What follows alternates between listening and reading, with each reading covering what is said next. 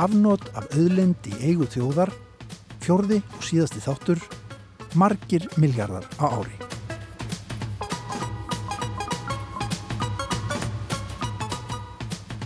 Arðgreðslur sjáur útfess fyrirtækja tvöfölduðust í fyrra og námu rúmum 21 miljardi króna. Þetta er kerfið. Við höfum skoðað hvers vegna kvotakerfið var sett á, hvernig fyrirtækin hafa lagað sig að því og áhrifin á atvinnulíf og samfélög fyrir vestan og austan. Ég heiti Ágúst Ólafsson. Og ég er Guðmundur Pálsson. Í þessum þætti ætlum við að pæla þessi því hvernig þetta kerfi gæti þróast, því það er kallað á breytingar. Já, það hefur lengi verið ósættu um kvotakerfið sem er ætlað að halda utanum það sem kallað er sameg þjóðarinnar, fiskinni sjónum. Meiri hluti landsmanna verðist ekki sáttur við kerfið, það sína skoðanakannanir. Samþjöppun, viðskipti með kvota, flutningur hans millir landsvæða og eignarhald farra á stórum hluta aflaheimilda er harlega gaggrínt.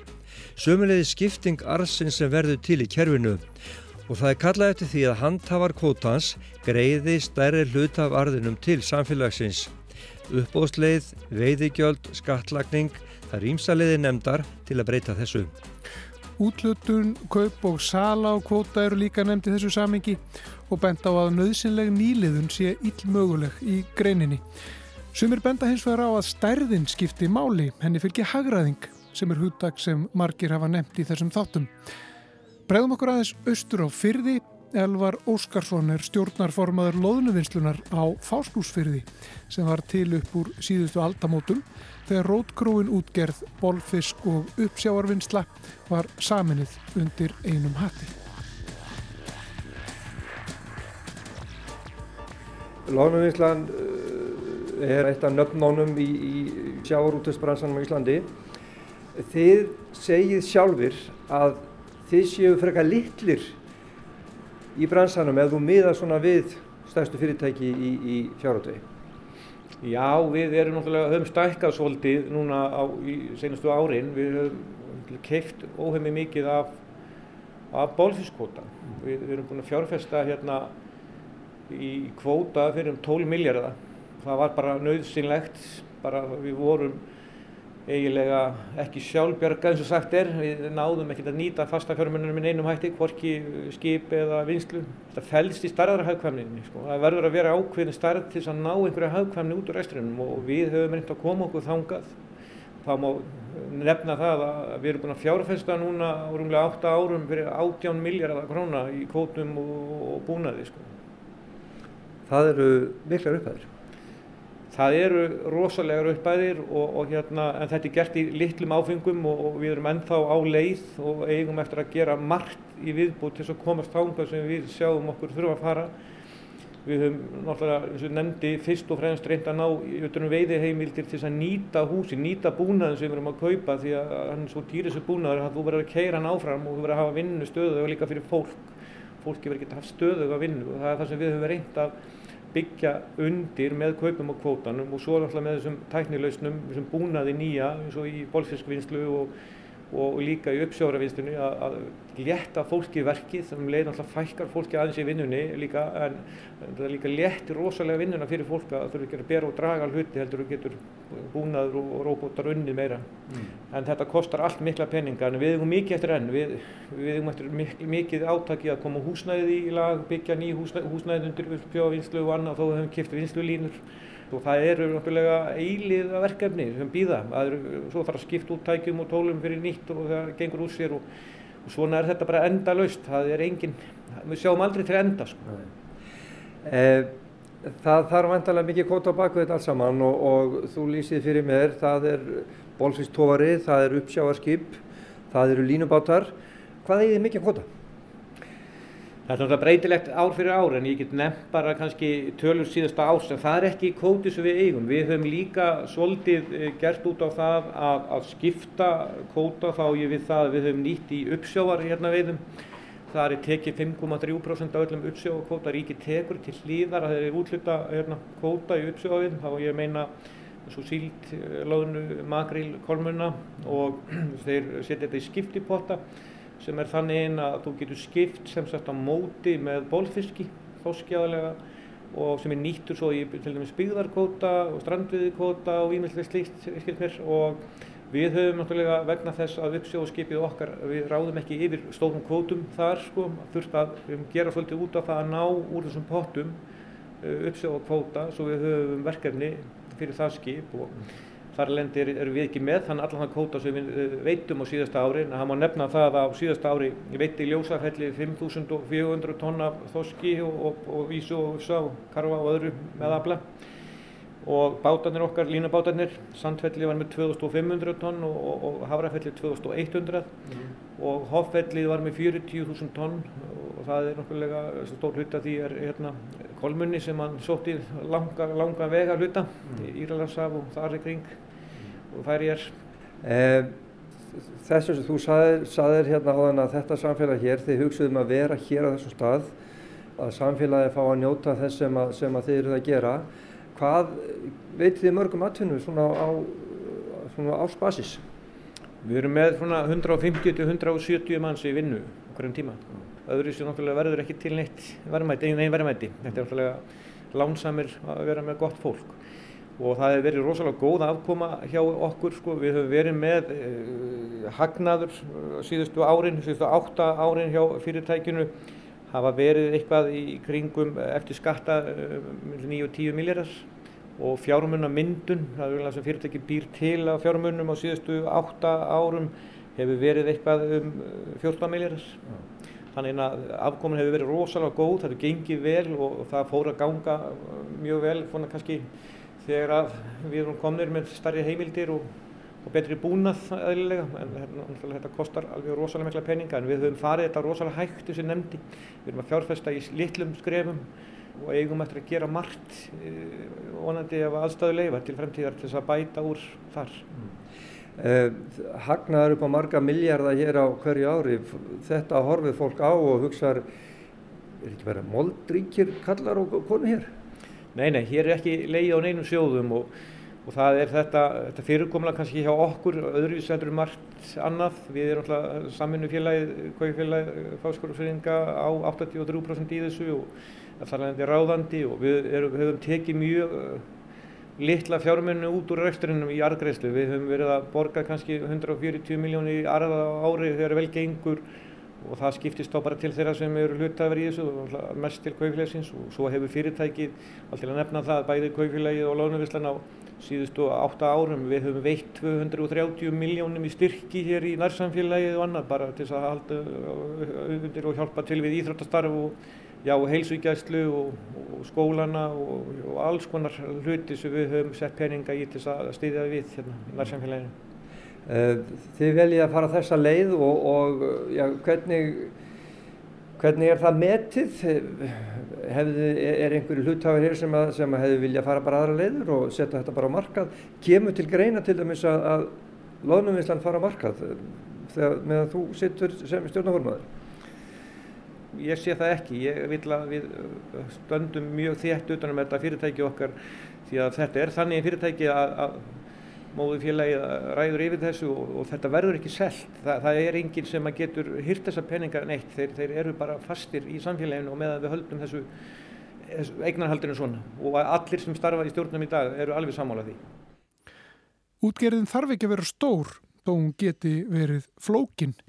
Östur á Breitalsvík gerir Elís Pétur Elísson út fjóra smábáta á línu, handfæri og snurvoð og rekur fiskvinnslu. Hann byrjaði á strandveiðum en hætti því og hefur nú alla ánga úti svo þessi næg verkefni fyrir báta, sjómenn og fólki í landi. Erfiðast segir hann að eignast kvota og fyrir smábáta útgerð síðan nánast vonlust. Já, sko við höfum verið að, að veiða uh, svona 1400 tonn ári. Við erum sérst með sértæka byggjakvota sem er, eru 400 tonn og að því er náttúrulega um 300 tonn þorskur, eða 200 eitthvað tonn þorskur og hittir ísa og, og aðra tegundir. Og síðan erum við með almennan byggakvota sem eru, eru 90 tonn. Og síðan hef ég verið að kaupa kvota eins og efni hafa staðið til. Það er raun og verið markmiðið með þessu þessu sértöku byggakvota útlutun að, að, að útluta þessu til ákveðins tíma. Á þeim tíma eru, eru menn náttúrulega að vinna ákveðinu markmiðum og, og eitt aðalmarkmið er að það eru svona tvö aðalmarkmið. Það er annars vegar að skapa störf sem hefur gengið vel hjá okkur og hins vegar er að, að eignast nægar aflaheimildir til þess að félagið hafi möguleika á að vera sjálfbært eftir að útlutun og sértækum byggðarkvota líkur. Mm. Hvað það tekur langan tíma er bara, bara eftir hvernig gengur að kaupa aflaheimildir. Mm. Um, þetta hljómar mjög flókið fyrir, fyrir leikmanninum og, og hérna þegar maður talar um smábátu útgerð þá svona hugsa maður sem svo, þetta er nú alltaf flókið að fara út á trillunni og henda færum í sjó og, og draga fisk. En þetta er gríðarlega flókin útgerð þó hún sé ekki mjög stór. Já, það er allavega tölvöld flókið að fá hana til að skilja einhvern peningum. Uh, og það er nú aðalega vegna þess að, að hérna, aflaheimildir og aðgang, aðgengi að aflaheimildum er mjög erfitt bæðið er bara náttúrulega samþjöfnin búin að vera gríðarlega í greininni alveg sko gríðarleg. Megni aflæðhefildi ákvar Íslandika er á forra höndum og breytilegt fiskverð og breytilegt uh, verð á leiðukvota við erum að leiða, leiða hérna, kvota hér fyrir gríðarlega fjáraðar hverju ári í vasa náttúrulega einhverja kvota í þetta mm. veiðigjöldin sem slík er ekki það sem að mér finnst íþingja mér finnst bara eðlilegt að við borgum rentu af til þjóðurnar af hérna af nýtingu aflaheimilda en það er til dæmis þannig að ef þú leigir 100 tonna þorski þá borgar sá sem veiðir það veiðigjöldin að því en ekki sá sem á kvotan hann borgar enga rentu að því. En helsta flækjan í þessu er, er svo að, að, að halda uh, aflaheimildum, nægum aflaheimildum yfir allt árið til þess að geta gert út allt árið, haldið fólki í vinnu allt árið og haldið vinslunni ganga allt árið. Mm. Þú byrjaði þér á strandöðum en þú hættir þar uh, nú hefur talað um að strandveðar séu kannski já, já vel eina leiðin eða eina fáleiðin til þess að varði nýliðun í, í þessu öllu saman. Uh, ég heyrið á þér að, að þér finnst annað hafa gengið betur svona ef þú hugsaður um þig sem nýlegan mann í smápat útgerð og, og nýliðun. Um, Já, það er sko um, strandveðar eru góðar gildar Eh, sem slíkar en strandveðar eru frá því í byrjun mæ til loka ágúst ef að aflaheimildir strandveðkerfis stjúast til þess. E, síðan er grásleipa og hún er einn ein og halvu mánuður eitthvað svo leiðis e, ef maður ætlar að vera í þessu að mínum að því e, allt árið þá verður maður að hafa aflaheimildir til þess að, að vera að, að gera út allt árið. Strandveðkerfið hefur bara hleyft lífi í hafnendar við um landið og, og gert ágæta hluti en þær eru samt ekkert að fara að skila neinum heilsás rekstrakundvilli eða, eða heilsás atvinnu í sjáarþörfum landsins, það er þannig. Með tilkomu sértagsbyggjarkvota sem ég tel að sé gríðarlega góð leið til þess að auka nýliðun og auka uh, atvinnuöryggi í minni sjáarþörfum sem, sem að voru byggð upp á sjáartvegi árum áður þá held ég að, hérna, að sértækabyggarkvota kerfið sé bara gríðarlega vel til þess fallið. Við höfum nýtt okkur þær heimildir sem þar eru og leikt gríðalega mikið heimildum til okkar til þess einfallega að, að halda úti vinslu og, og útgerð allt árið. Þannig að þar sér þú kannski einna bestu tækverðin í, í, í þessum sértaka kvota sem að, sem að þú getur fengið með því að, með að sína nýtinguna á honum og atvinnusköpunna heima. Já, ég, mér finnst þetta kerfi víða, ég þekki nú til víða um land í þessu, þessu kerfi þessu sértæka byggjarkvotakerfi mér finnst almenna byggjarkvotakerfi vera bara algjörlega batsins tíma mér finnst það glata kerfi. Mm. en, en uh, sértæka byggjarkvotakerfi þar leggja menn bara fram ákveðin, ákveðin markmið og ákveðin, ákveðina leikreglur við byggjarstofnum sem við náttúrulega fara eftir. Byggjarstofnum fylgir síðan með því að leikreglum þessum sé fyllt og séu samningarnir vel unnir í byrjun þá eiga þeir að geta skílað í fyrsta lagi rekstarkjöndvelli fiskvinnslu og útgerðar allt árið og í öðru lagi eh, ef að menn standa sér vel í reksturinnum þá ættu þeir að geta skílað afgangi til þess að styrkja kótastöðu útgerðanar og fiskvinnslunar og byggðalagsins þá í, í samanskapi mm. á nokkrum árum mm. Ég sé þú ert að kíkja í gemsaðin og aðtöða hvar Bátarnir eru núna, Já, já. þeir, þeir eru flest allir á sjó, skilst mér, og, og hérna, hvernig hefur gengið núna í, í vettur og, og, og svona framöndu þetta? Það er bara gengið ágætlega. Mm.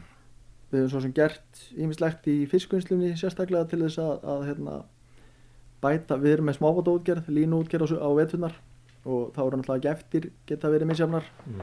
Við hefum farið í alls konar svona auka vinslu til dæmis á harfiski sem að hérna, gerir það verkum að, að það er auðveldara fyrir okkur að, að, hérna, að halda upp í starfsemi í fiskvinnslunni, stöðveri, nýta vinnuaflið sem við höfum þar. E, veiðarnar hafa gengið mjög vel og það er ekki það flókna í, í, hérna, í rekstri á eins og mínu batteri að, að, að gera út báta. Það, er, það eru aflæðhennar og, og hérna, aðgengi að þeim sem eru, eru hvað eru veðastar.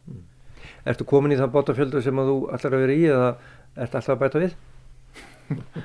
Já, ég ætla allavega klárlega að bæta það með aflæðheimildum og, og hérna, já, já, ég ætla að bæta við mig á öllum sviðum í því. Það er potjett. Mér vantar svo sem alveg klárlega ekki fleiri báta en mér vantar aflæðheimildir Mm. og ég ætla að bæta við mig þar. Ég heyrið á þér að, að þú trúir á þetta og þetta er, er verður framtíðin hér meðal annars. Já, ef ég hef ekki eitthvað að trúa þegar maður verið að gera eitthvað að viti og segja eitthvað á framtíðis þá væri ég ekki að þessu. Það er endalust tækifæri á Ísland til að gera allan fjandan bara ef mann, ef mann langar að gera það, þá bara gerir maður það. Mm. Eh, mér langar að gera þetta og, og þetta gengur ágætlega. Eh, þetta, er, þetta er frekar erfiður bransi en hann er alveg skemmtilegur. Mm. Það, er, það er þannig. Elis Pétur Elisson á Brutarsvík, takk fyrir spjallið. Takk sem leiðis. Það eru margar hliðar á sjárútveginum og áhrifuna kerfinu sem búið hefur til í kringum hann eru alls konar. Sum góð, önnur slæm eins og við höfum heyrt. Við ætlum næst veistar á Ísafjörð þar sem ungur myndlistamaður hefur sótt innblástur í umhverfi sitt sem er mjög mótað af sjárútvegi. Já, ég heiti Gunnar Jónsson og er myndlistamæður og alin upp hérna á Ísafjörði og þá verður þetta svona svolítið partur af manns eigin sjálfi og ég tók tölvert þetta inn sko. Útskriftaverkið mitt úr listaháskólanum var til dæmis uh, gamall bátur sem að sildi hring á opna hafi og myndaði svona teiknaði hálfgerðan hring á sjóin sem var svona bara útlýtslega sér fallett verk og svo var einmitt núna hefur verið svolítið til fyllunar verk sem ég gerði sem heitir Flagskip sem að fjallar í raun og veru um söguna um gugguna eða sem sagt Guðbjörgu IS 46 þá var ég að skoða þess ákveðin sko fortja þrá sem er svona alltaf í blætistengt hérna sjáarútiðinum og fiskiðinaðinum eins og hann var sko. Og það sem að fólk er hérna svo upptekjaði að þetta hafi verið einhver svakaleg hérna, eðilegging á lífinu hérna fyrir vestan í staðan fyrir að sjá hvað er margt samt annað og í rauninni festast svolítið í því að reyna að hafa allt á þetta á stólu þennan eina hlut þegar að ég upplifi svo mikið í því hérna, skort og tækifærum að því að fólk er ekki tilbúið til að uh, opna möguleikan á eitthvað annað líka því að svo upptekið að hafa mist kvótan, við getum orðað það þannig að ég fór svona að velta því svolítið fyrir mér sko. Þá poppaði alltaf upp þessi saga sem sagt að lofur hefði verið gefið um að guggan er alltaf gul og gerði út frá Ísafyrði. Var síðan rauð og seldi Þískalands og svo held ég aftur til Akureyrar og mjög aftur til Þískalands og ég veit ekki hvar og hvar hún er núna en, en það er annar mál. En þannig að það var einhvern veginn sko í því var einhver ákveðin svona póesía og en líka er þetta svolítið fyndið sko. Þetta lofvörð er rosalega fyndið. Hvað máli skiptir hvernig bátur á litin sko. Ef maður spáir í þannig. Og þú fókuseraður á litin, sem sagt, er það ekki? Jó, liturinn var það svolítið svona aðalatri. Hann er líka kannski svolítið sko, hann er náttúrulega svolítið sterkur, hann var svona gulur og gulur finnst mér líka stundu vera svolítið barnalegu litur. en ég fókuseraði svolítið á hann og, og sérstaklega það og var bara og var heilingi að hérna eitthvað að grafa upp og leta hann hérna leita í, í bókaldinu sínu málarinn hérna um hvað nákvæmlega hvaða gulið það hefði verið sem að til þess að hafa þetta alveg hreinu af því að þetta var svona þetta minni sem að allir tala um og þekkja sko.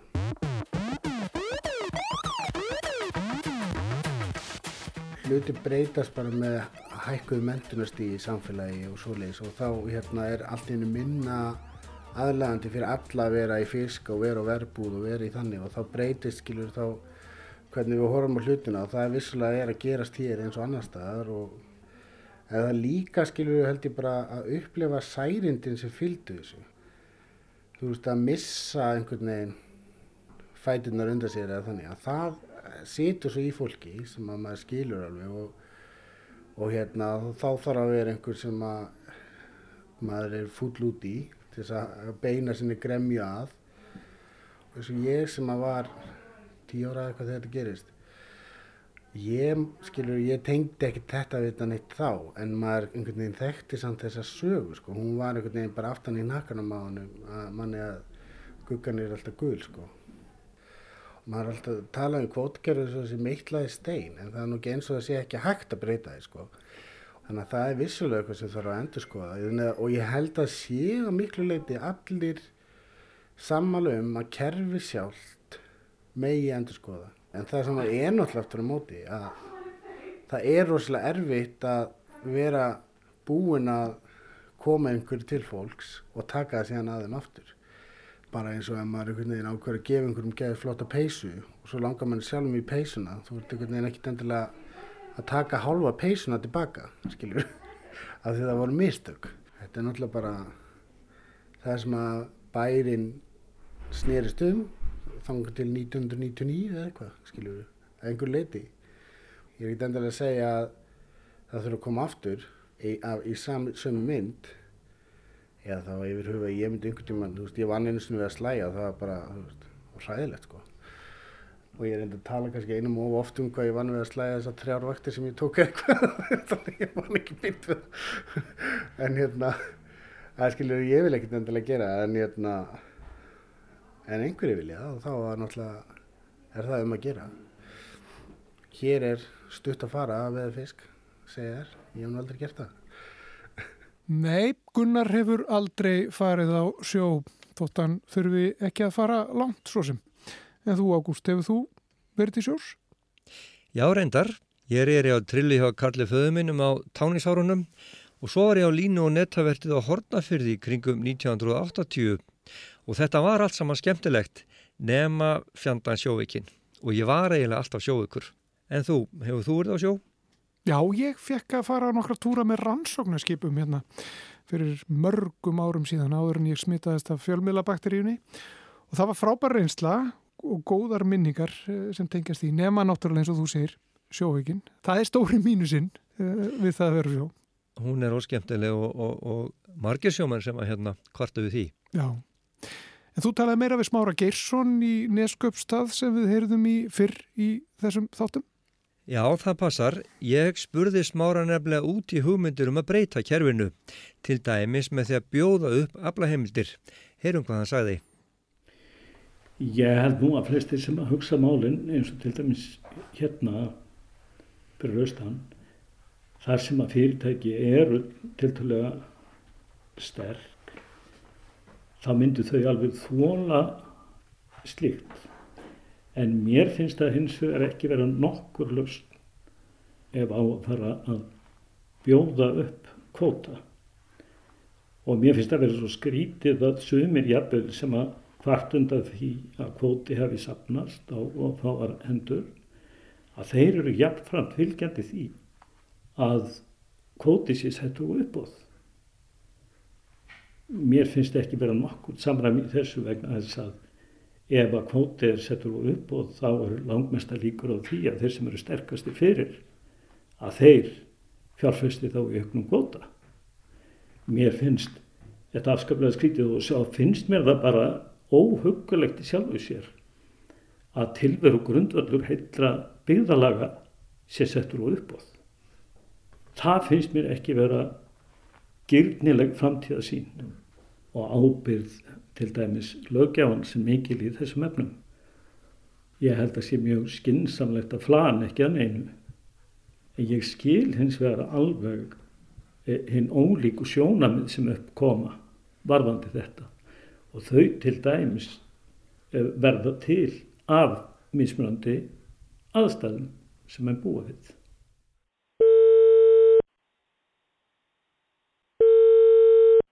Já, sælarna Guðmundur Pálsson hérna á sitt. Já, sæl. Sælblöði. Heyrðu, mér var bent á að það væri gott að tala við þig ef maður vildi vita sko hvernig maður á að kaupa kvóta, hvernig maður fer að því. Getur þú sagt mig frá því? Já, ég get auðvitað eitthvað aðstóði. Ertu með bát? Áttu bát og hvernig bát áttu? Þetta er Erna Jónsdóttir, hún er sviðstjóri hjá Fiskistofu. Við höfum samband við sjáuröldisraðunitið sem nú er kallað matvælaráðunitið reyndar og fengum þau svör þar að best væri að tala við Ernu ef maður vildi vita hvernig maður kaupir kvóta. Ok, hvernig bát þarf ég? Þú þarf bát sem er með haffari og getur reitt og þá skiptir það máli svo hvort þú ert með lítinn bát eða stóran bát. Ef þú ert með lítinn bát þá getur þú farið í krókabla kerfi eða þú stærri þá farið í aflamarkskerfi Þetta eru tvö ólík kerfi, það eru minni færri tegundir í krókablamarkskerfinu en yfirleitt eru, sko, er kótin ódýrari þar. Já, ok, segjum bara yfirleitt byrja þar. Já, þá færði þér veiðilegu með krókablamarki og svo hefur sambandið, ég myndi þetta að hafa sambandið kótamöðlara og þú eru líka ákveða, er þetta, þú ert að fara stunda þetta bara í sumar eða svona tímabundi eða ætlar að gera þetta aðvinni, þú skort viltu kaupa hlutildina, þannig sem er þá skráða bátinn og og það áttan eða bara aflamarkið það sem eru bara heimildandi sem átt veiða hverju sinni sko. Mm -hmm. þannig að kvótamilur eru þeir sem eru geta hjálpar í þessu. Já. og það eru nokkur fyrirtæki, mann ekki alveg hvað þetta Já, e e ef ég myndi nú vilja sko eiga kvóta, fara bara í útgerð þú veist, þú er bara nógu mikið til þess að það borgaði sig er það mjög dýrt til dæmis? Það er frekar dýrt, já, en það er náttúrulega líka að hugsa þá bara sem framtíðar fjárfesting. Það þú veist við á fiskistofu, við erum ekki í sölunni sjálfri, heldur sjáum við kannski um umsýsluna framkantina, en kvótamilunir eru þeir sem eru með verðin og kaupendur og seljandur og, og, og þetta. Er þetta flókið? Er þetta flókið fyrir mig einhvern veginn ef ég myndi bara verið að söðla um, farið útgerð? Ekki ef þú hefur fjármagn og skip, þá er ekki flókið og, og finnur afla hlutil til að kaupa. Þannig að ef ég var nóga pening á skip þá er þetta ekki verið mikið mál. Nei og veistu með þess að við selja þér kvota. Ég þekk ekki alveg markaðinni, nei þá er þetta mikið mál sko en þetta er náttúrulega mjög dýrst. Það er dýrst að kaupa skip og útbúa það og það er dýrst að hérna kaupa hlutildina. Hún er dýr sko en þú veist þetta það er náttúrulega ákveðin varalegi í henni. Já. Erna, ég ætla hérna, skoða þetta betur. Já, bara gangið vel. Takk fyrir, gaman okay. að heyri þér bara, takk fyrir það. Já, bless. Ok, bless. Þannig fór það. Það er ekki heiklum hentað eignast kvóta. En umræðu um kvótakerfið og breytingar á því kemur reglulega upp í þjóðmála umræðu landans.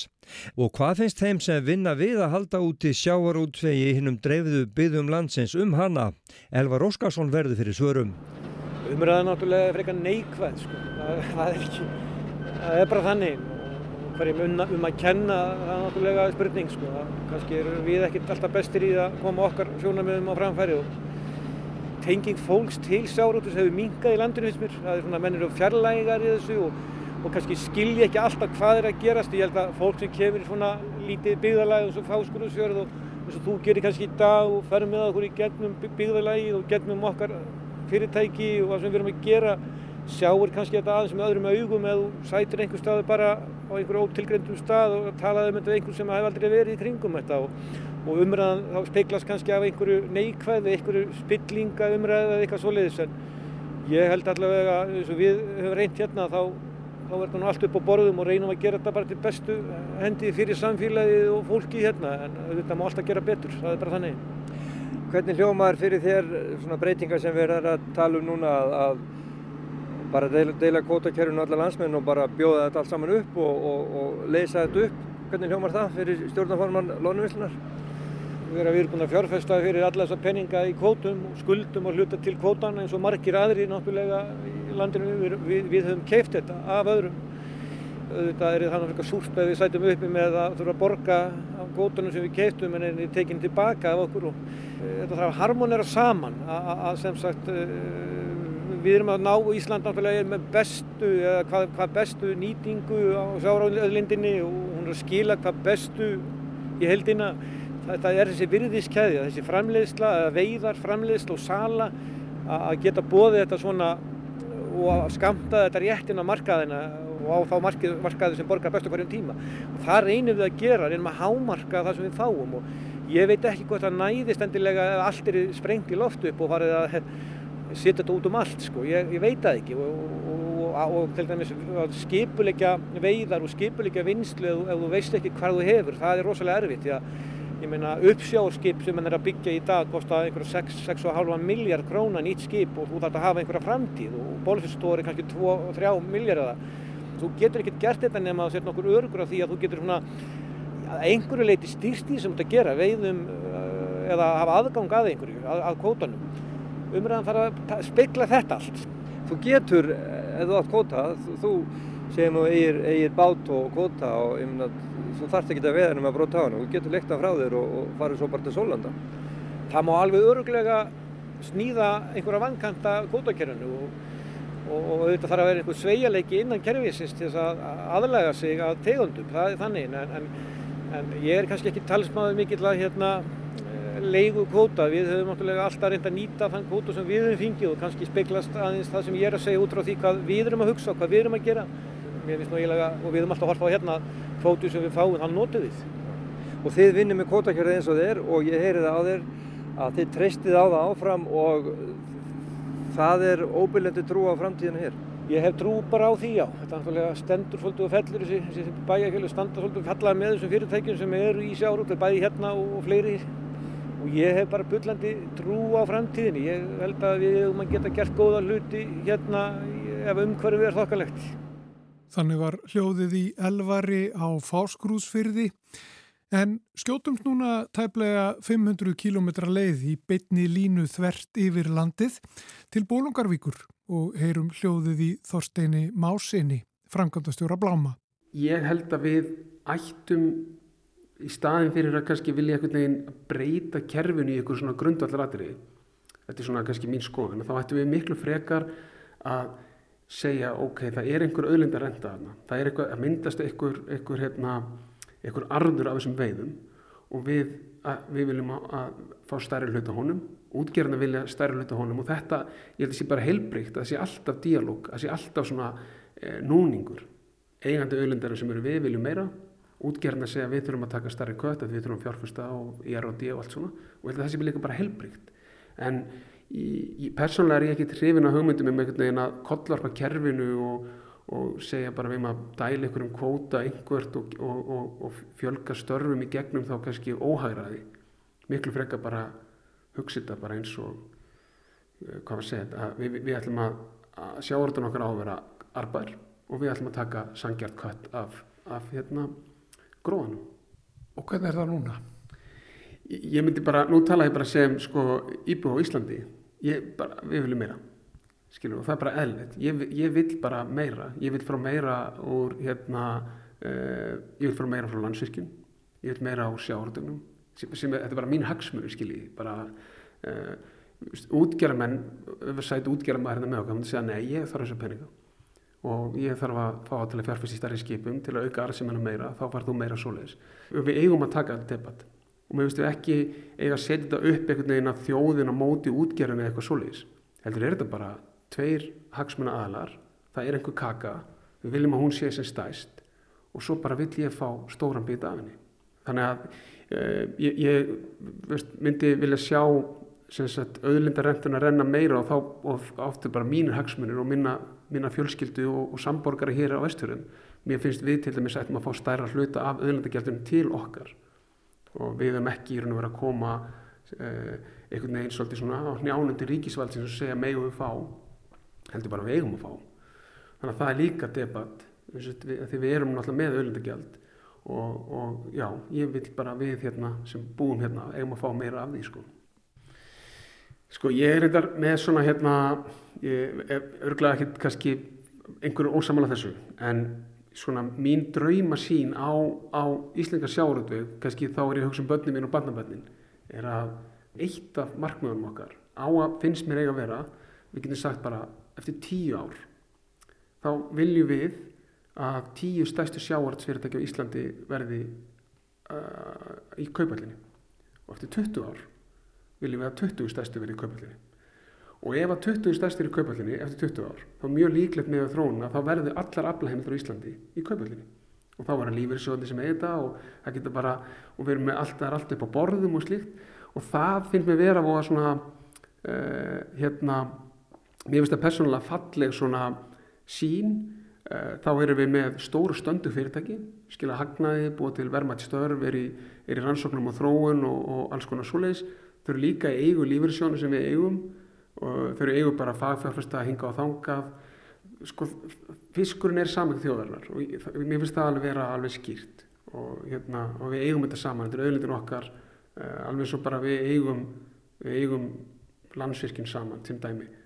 Og, en við getum líka tekið þetta bara dýbra með því að og þá myndi einhver segja sko allar þá að kaupa þetta af núverðið útgerðamönnum ég meina, barnaböndunum mínum mun eiginlega vera alveg sama hvort að við keftum eitthvað eða gerðum eitthvað þau munum bara segja það er frábært að 20 stærstu sjáartsfyrirtæki í Íslandi sé nánast í almanna eigu í gegnum kaupölluna og lífeyrisjóna. Óðin Gesson, framkvæmdastjóri Íslandsögu á Suðureyri, spár því að áfram muni fyrirtækjum í sjávarútvegi fækka og þau stækka. Þú búin að nota þetta huttak hagaræðing svolítið oft. Hvar eru þá stöld núna einhvern veginn ef við bara leggjum mat á, á kerfið og þessa, þessa aðurugrein? Hvað mætti gerast sko? Hvað þarf að laga og hvernig sér þú fyrir næstu, næstu ára tugi? Ég meina það er ófriður, það er að gera skoðanakannanir og bara stór hluti almennings bara segist bara vera mótið þessu kerfi. Já, já, menn verða þá, sko, hafa þá hérna pungið það að taka á því, sko. Ég veit ekkert hvort það er gott fyrir Ísland að gera það. En það er öruglega gott fyrir almennisálitið og sálartetrið okkar. En ég held, sko, að við sem vitibotna manneskjur hljótum nú að geta fundið leið til þess að sætta þessi ólíku sjónamið sem eru annars vegar. Ég kalla þetta öfund yfir því að einhverjum gengur vel og þessi hagraðingakrafa sem að þessi sömu aðeinar gera á hitt og þetta um að uh, þessi grein eigi að skilja einhverju meiru til samfélagsins heldur en einhverju aðra greinar. Akkur er það? Það er kannski uh, út af því að þetta er saming þjóðarinn og þetta er fiskveiði auðlindin okkar. Og það getur vel verið að það eigi að vera ríkari krafa á það. Ég ætla ekki að dæmi um það. Það er ekki hægt að ætlast til þess að sjávarúturinn að hann fjármagn í alla byggðastefnuna. Það er í fyrirtækjarekstri, í sjávarútsfyrirtækjarekstri alveg eins og í öðrum rekstri hvar sem þú tekur á. Hvort þú rekur banka eða, eða búð, það þarf ákveðið til þess að drífa þetta áfram. Og lausnin, hún held ég að felist í því að okkur mun fækka ennþá meira. Það er að segja, fyrirtækin verði starri en þau verði þá stönduri og við verðum með færri vinslur ekki nú gott að hafa þetta allt í Reykjavík. Ekki myndum við vilja það.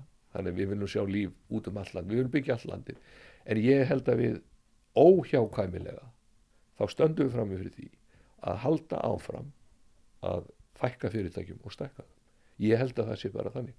Jafnvel þó að ég sé þessi litli kall og reykja þetta litla fyrirtæki ég bara sé ekki aðra leiðir í rekstrinu heldur en að stækka